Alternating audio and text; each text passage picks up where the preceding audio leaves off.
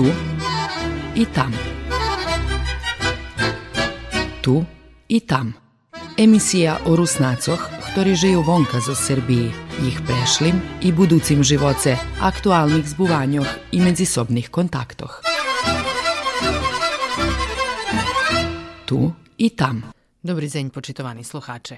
U nješkajše emisiju čujete rozvarku s profesorom doktorom Mihajlom Fejsom, profesorom ruskoho jazika na katedri za rusinistiku Filozofskoho fakultetu u Novim Sadze i še aktivnim i angažovanim kulturnim i nacionalnim dijačem. U ramikoh tej našej emisiji bešedovali sme o profesorovih aktivnostcoh na tak povest medzinarodnim, to jest digitalnim planu, o medzinarodnih konferencijoh slavistoh, jak i o njedavno objavenim slovniku kompjuterskej terminologiji.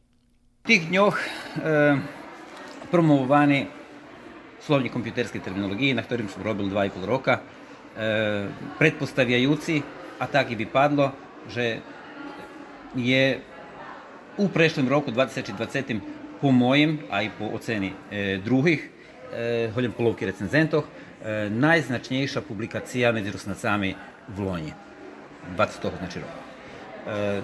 Šitski mi s kompjuterami žijeme, revolucija vyvolaná boku kompjuterov, i vyvolala revoluciju jaziku. E, našo lektore, profesore, studenti, taj IT ovci, všetky što mučaže, jak to kodifikovať, jak hasnovať taký slova, znachodzaše u, tej, u tim tsunamiju, u tim haosu, u tim u tej rašomonijadi, ktorá teraz pred nami, kto to zna. Znači upload, upload, download, da ne znaju že či treba u, napríklad, či ne treba ta vecka, či je e-mail, či je mail, či je e mail, či je e-mail, podakle, jednostavno to taki i, i dahto frantuje, dahto piše po anglijski, ta pravi u e, kirilkovim tekstu anglijski odstupanja, zamenjuje kodi, e, tod moj slovnik bol narokom napraveni, e, že bi bule daka E, druga časa bo dopolnjenje pravopisnog slovnika ruskog jazika, ktorý som u elektronskej formi tu na fakultetskim sajtu publikoval v 2017 roku, gdje e, som uniesol popri ekologijne i popri duhovne terminologiji i to tu um, informatičnu, e, kompjutersku i gdje som še, gdje som uniesol dakle, možda 50-60 leksemi, ali ostali velje drugi 200-300 nje, nje i već sam na njih figurativno e, povedena i ljehnu, dva i pol roka i produkt teraz pred nami, promovani kod cure, e, užman po ulanku za nove orahove na ih manifestaciju. E, ruska matka e, pristava že bi e, na svojih mestnih odboroh i horodskim e, isto bili promovani. ja dzečni podarovac za svoju tiražu, a više u 500 prikladnikov, polovku moja, polovku fakulteta, e, gratis podarovac, tak mižom raz, jak gidom raz, e, dumam, že to doprinješe zvihanju e, tej kompjuterske pismenosti pri Takie nie istnieje.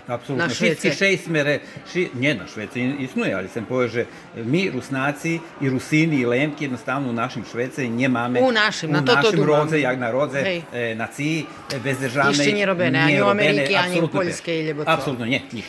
A, a na Hase nie im? A može, už da povem, že Ana Pliškova, jedna od šesterih recenzentov Prešovskog um, univerziteta, už pitala e, rukopis, že bi to tu anglijsko-rusku čast, to, ja publikovao, že bi prepravela na anglijsko-rusinsku u prešovskej varijanti, že bi Ivona to iste e, publikovala za svojih rusinov e, u Slovackoj.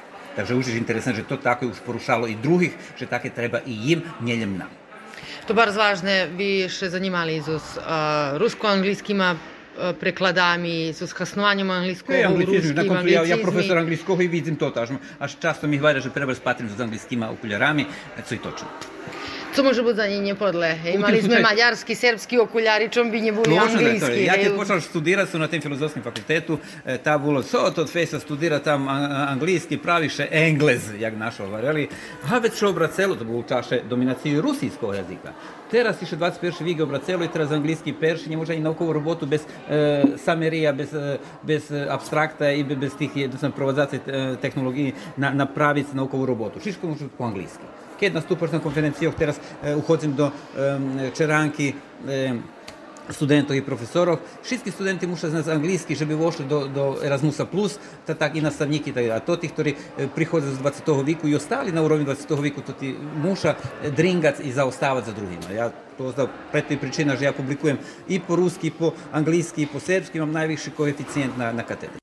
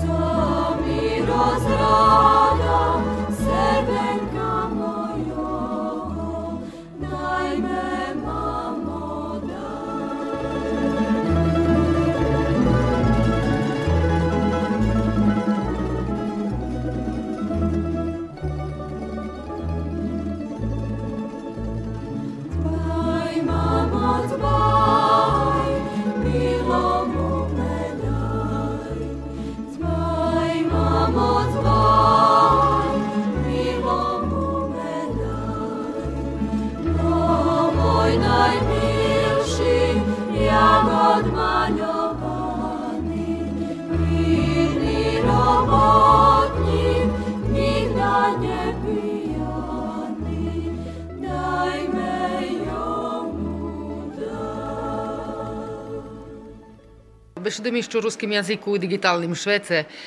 Varili ste že, co še má to, re, I to ta knjiška, to je jedna e, trecina od e, projekta, ktorý mi prilapeni e, jak profesorovi ruskog jazika katedri e, u pokrajinskom sekretarijatu, ktorý nosi nazvu Rusinistični odvit na e, pohľadovanja digitalnej éry. Takže sam slovnik kompjuterske terminologije unoši šora do kompjuterskih terminologiji, do teraz šumonijadi, u ktorej sam bešudoval, a tiž tak e, rihtam teraz i anglijsko-ruski slovnik, posle ktorého bude šljizic e, e, rusko-anglijski. E, za to anglijsko-ruski už zakončeni rukopis porihtani i na recenzovanju je. Tu mi pomogli dva masterki doktorantki, masterki hej, ali doktorantki teraz na našem fakultetu, a to Marina Šlemender za anglijski, za zapisovanje po tih e, međunarodne fonetske azbuki i za e, roboti Senka Benčikova, tak isto na doktorských studioch tu na Filozofskom fakultetu, na jazykoch i literatúri. Takže s mladými mocami e, im ešte i švitše. A tu druhú časť rusko-anglijski bude e, ešte obrobic.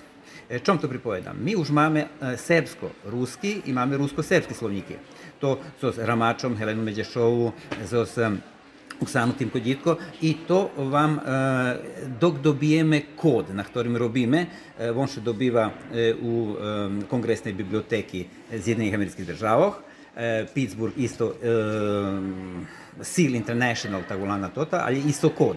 Tudi isto kod e, podostavali i drugi jaziki, tu naj, naj, najpon taki novokomponovani jaziki, ta, i, za e, čarnohorski, i za bošnjacki, e, i za serbski, i za horvatski. Sem, to, isti, su nam to isti jazik, a oni podobivali. Takže ne, pisali smo inicijativa naža, nje moja, Gabra Koljesara z Kanadi, von na tim počeli, robim taki rogipol, formulari ohromni, pod, jak sam jedan zakončili, drugi, to daki pešat boki teksta, to щоб зокрема книжка.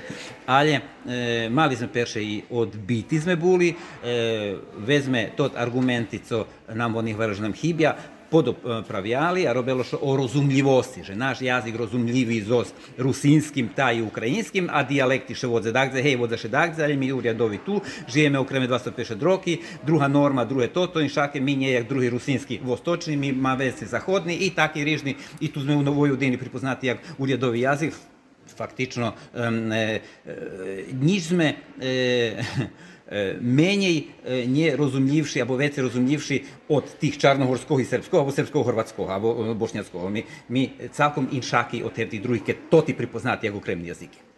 Takže mm, Melinda me i pripoznala i dumam, že teraz už e, uhodzi do finišu i že u, na jesień dobijem tot kod. Z ozostavanjem koda dobivaca automatski e, veljku, memoriju prostore e, i na Wikipediji povezme i možljive to jest u paketu. Z kodom še dostava i automatske prekladanje ruski i drugi jaziki. Musicie mieć normalno bazu. I zato nam tu treba srpsko, ruski, rusko-srpski slovnik, koji už mame i treba nam anglisko-ruski, i rusko-angliski, teraz tu budze rihtac i varimo už na poli e, rukopis.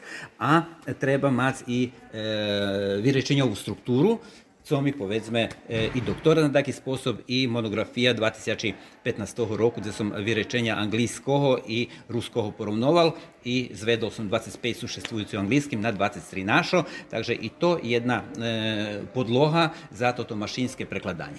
I ja rachujem, že to bude e, hit 2022 roku, dok Novi Sad bude označovať e, toto, že postal u Evropi na taký spôsob Európska prestolnica.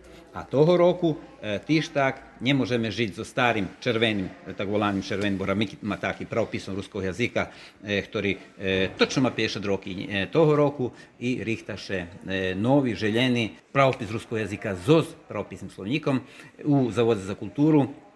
Teraz jedna sesija otrimana u RKC-u, Ruskom kulturnom centru, deše bistra odrezeni stvari, konkretno teraz duhovna, a predtem boli druga terminologija, pedagogijna i tak dalje, že bi sme, že bi preširal fond slovo, leksemo u pravopisnom slovniku ruskog jezika i odrezeni pravila modifikoval od tih, koji publikovani na sajtu Filozofskog fakulteta pravopisni slovnik 2017, a pravopis bol dva roky poznejšie 2019 i oni tam postaveni, že by boli jagod svoje fajtovo ponuknuce i, i, i, i cvenčok za javnu rozpravu, ktorá teraz eto prihodzi do finalizacije.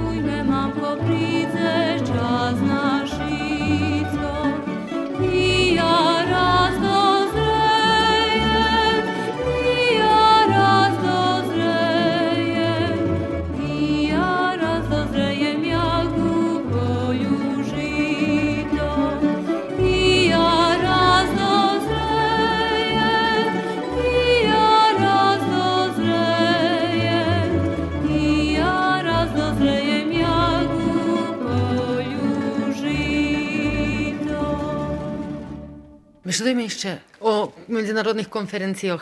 Međunarodnih konferencijah, ponešte teraz idu online. I, Ljehče ih teraz I teraz i formujem, formujem človek na duma i od dva mešaci dobijem po volanku če budem častvovat. Ja ponešte ljubim bešedovati, drandazi, nije problem mi njaki, a, mam hromadu roboti, ta stari roboti polu prepravice, dakle dodaci, dodaci, znači u proseku dva mešaci každa všeda jaka konferencija. Ponežemo dva minuti, na švitko. E, teraz, prešlo tižnja, e, sam nastupao u Rusiji bola centrala i e, zos e, problemami e, pri e, ruskej nacionalnej menšini u Srbiji, gdje sam vyznačil povedzme dva, e, a to e, práve toto, e, nemáme mladých e, tu žemi, nemáme mladých u školoch, nemáme mladých tam i jednostavno te demografske e, slike musíme da se probati zrobiť, ta že nacionalni sovjet biš mušel vzorvec. A druge, zamucovanje nacionalne svidomosti i, nerviranje naših normalnih ljudzoch zo s tim, že a više vazice kolo toho, to se co se. Mi zname co zme, a ti drugi ne znaju, jer muša ići do drugog ukrajinskog nacionalnog sovjetu, njemaju co za našim. Jednostavno, fusnotu, ktorú inkorporovali do jednej persony, treba u novej strategiji vymenjiť i dať jasnú viziju tým našim, ktorí prichádzajú. Nie treba ich zbuňovať so zrežnýma stvarami, keď to ani nie tak. Je tým všetkým Rusínom jasné u karpatským areálu a tým našim tu reliktom zo stalinističnej e, politiky sovietskej SSSR ešte všenie jasné, ale oni muša znať, že oni našme cijsku stalinističnej historii. E, pred dvoma mešacami u Beogradze je pešac zavijati e, e, shod slavistoh Šveta i tu povedzme, som nastúpil so s um, statusom ruského jazyka, literatúry i kultúry, bo taká bola konferencia na Slovena toho roku, takže to bolo jedna, telja materiálu mám, že, že jednostavno knjižka okremna može biti. osnovami Duličenkovo e, funkcionalni sferi, gdje on e, tvrdi i zaključuje tvrdi, tak je fakt, že od tih šitskih silnih kolo 20 e, mikrojazikov u jeho terminologiji, e, naš e, mali jazik e, zastupeni u šitskih e, sferoh funkcionovanja i že je faktično pravi veliki jazik po tim, že, že žije, a nie, že je zeška na paperu, abo že je na, u muzeju. Pred e, troma mešacami bola konferencija pošvecena e, ročnici narodzenja e, Ištvana Udvarija, profesora, ktorý tu zachodzili do naš e, fakultet i ktorý e, veľo zrobil i za istoriju hevtih e, župov, županijoh, e, komitatov, do ktorých my prišli, Zemplin Šariš, Šorodaba, Ujtorna i tak dalje, von istorijni dokumenti vica hol, ali zrobili na adaptaciji hungarizmoh, po ktorý Drahi Vecka Rušela i Firisova i Benčikova ta napravili svoje monografiji i, i na njih masterovali, odnosno doktorovali Firisova, a Benčikova teraz bude jednu širšu robotu rihta na, na upliv mađarskoho na ruski jazik u um, stretkoh Nove Orahovo, Sobotica i tak dalje, gdje oni u direktnom kontaktu. Predtem bola jedna za mňa ukremne značna e, konferencija e, i to už pijata po šore, interkulturalnost e, pedagogijnog zavoda Vojvodini, gdje e, probujeme e, što čeže, to je kampanja Daskeli rok ili Češko do tako jednu ustatovo stretku zaprovadzi sponjace interkulturalnosti, e, e, ktoré u multikulturalnom stretku ma i odrezeni slabosti, mi na te slabosti ukazujeme, a okreme že sme tak getoizovani zavarti i već kad to še odražuje i na učebniki i na spravovanje, jednostavno mi mušime žic u tim digitalnim čaše i s drugima kulturami i mušime brać od njih jih i mušime ponukat našo. Máme mi jednu dimenziju, ne, ne zabuvame ju, nažalj, až preveľo etnopostavami, folklor veľo gurame, driljame, treba nam e, produkti i kreacija novoho, a njeljem čuvanje i pestovanje staroho. I tak i keď sme mali u, u kocure označovanje nacionalnog da sme nahlašali, že, že tvorče označovanje, za razliku od to žalostno, co sme jaka naša zajednica označila nacionalni dzenj, gdje sme mali ljem repetitio est mater studiorum, gdje sme videli, e, co robene i špivane i bešedovane na prešlih tih označovanjoh i tak i na radio televiziji i mali smo jednu turističnu emisiju o Novim Sadu, to treba, ali to, to nije, nije ključno. Ti nje daš da su nove, korona nje može zoprec, e, tvoric može. E, pred tim povedzme bilo na Polislavu. Polislav je jedna od najznačnejších e, konferencií z najdlhšiu tradíciu, tak jak i to schod u Beogradze, ale je to e, u, u Poljskej má centrálu. I tam sam nastupal z hromatsko terminologijo o farbah v ruskem jeziku. Je teraz z Senku Benčikovu, poneže ona zna mađarski, a da jedni farbi i pohod za mađarski kojem teraz uzeme, ja porovnoval našu i srpsku, a ona bude porovnovac i našu i srpsku i mađarsku. Teraz osim nastupim na jednej konferenciji tu u, na našej projektu sa máme zo Snežanu Budurića. I že to e, na ní idem dalje, bo každý dva mešaci daco, publikovane može, ice na Pinokio slavni, ja puštam svoje roboti, e, dostupni su, e, že ne publikuju u švetlosti, nije to znači nič, švet ih vidza. Sluhali ste rozvarku so s profesorom doktorom Mihajlom Fejsom, a za konec posluhajci i prilog, kotri dostavame u čeranki z radijom Rusine FM zo Sprešova.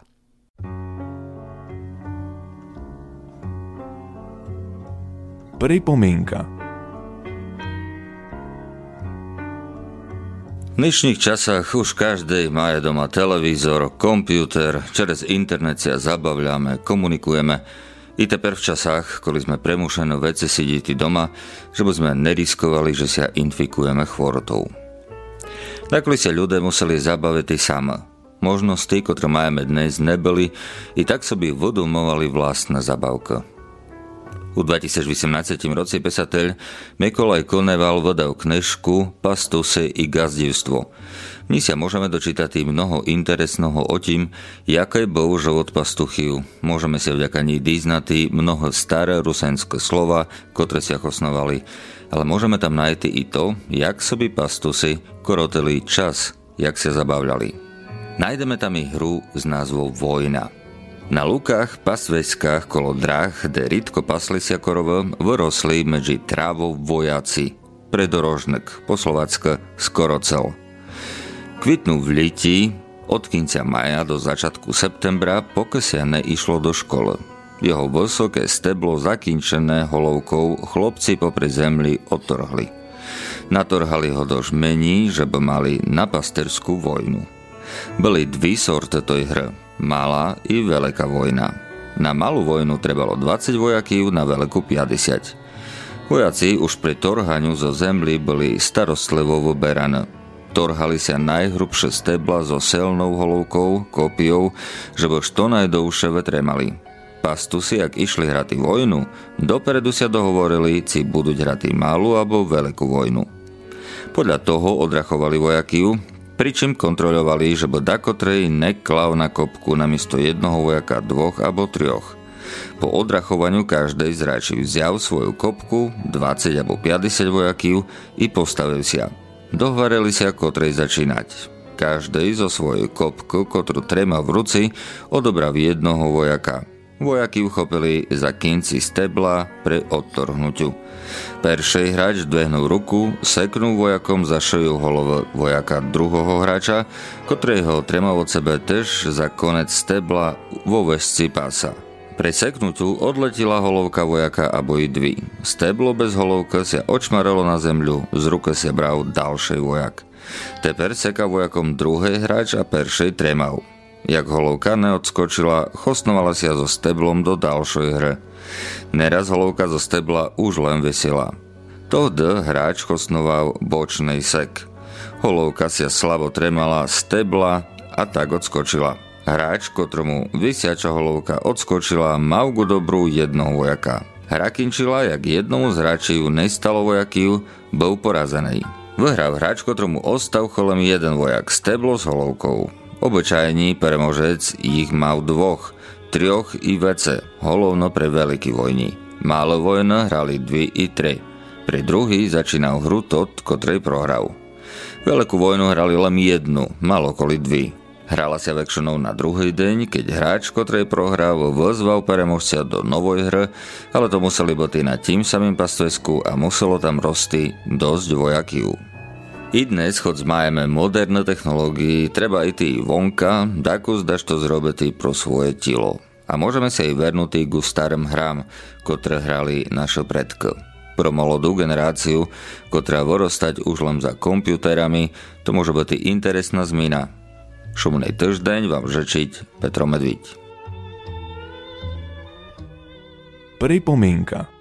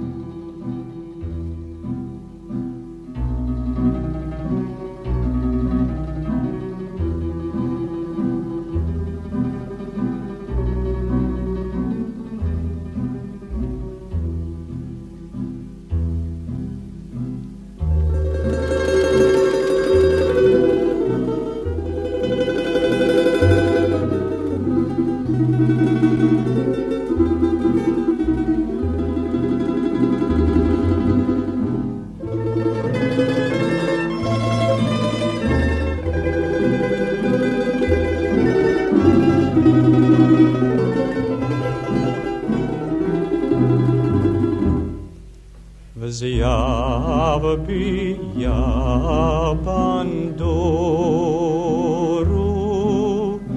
та й заграв, що знав. З'яви я бандуру, та й заграв, що знав.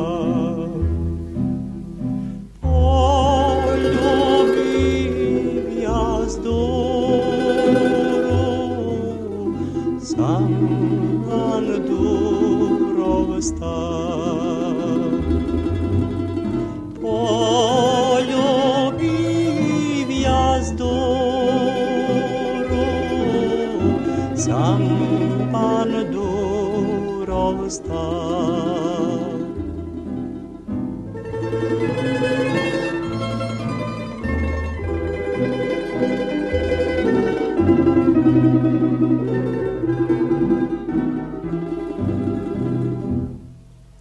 Кажуть ми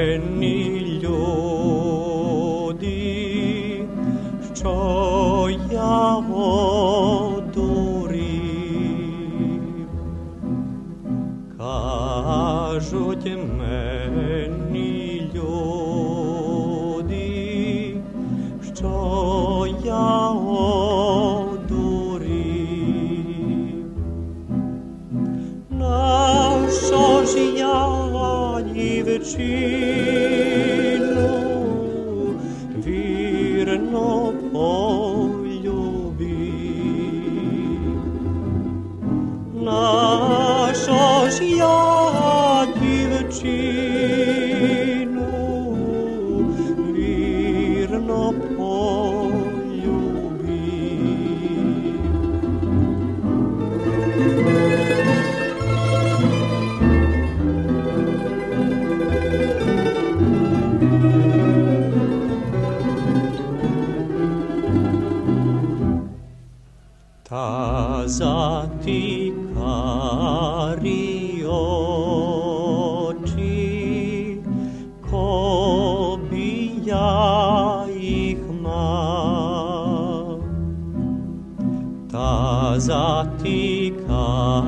Старі очі, копі я їх мав, Бог би я щасливий, та й журбі не мав. Бог би я щасливий,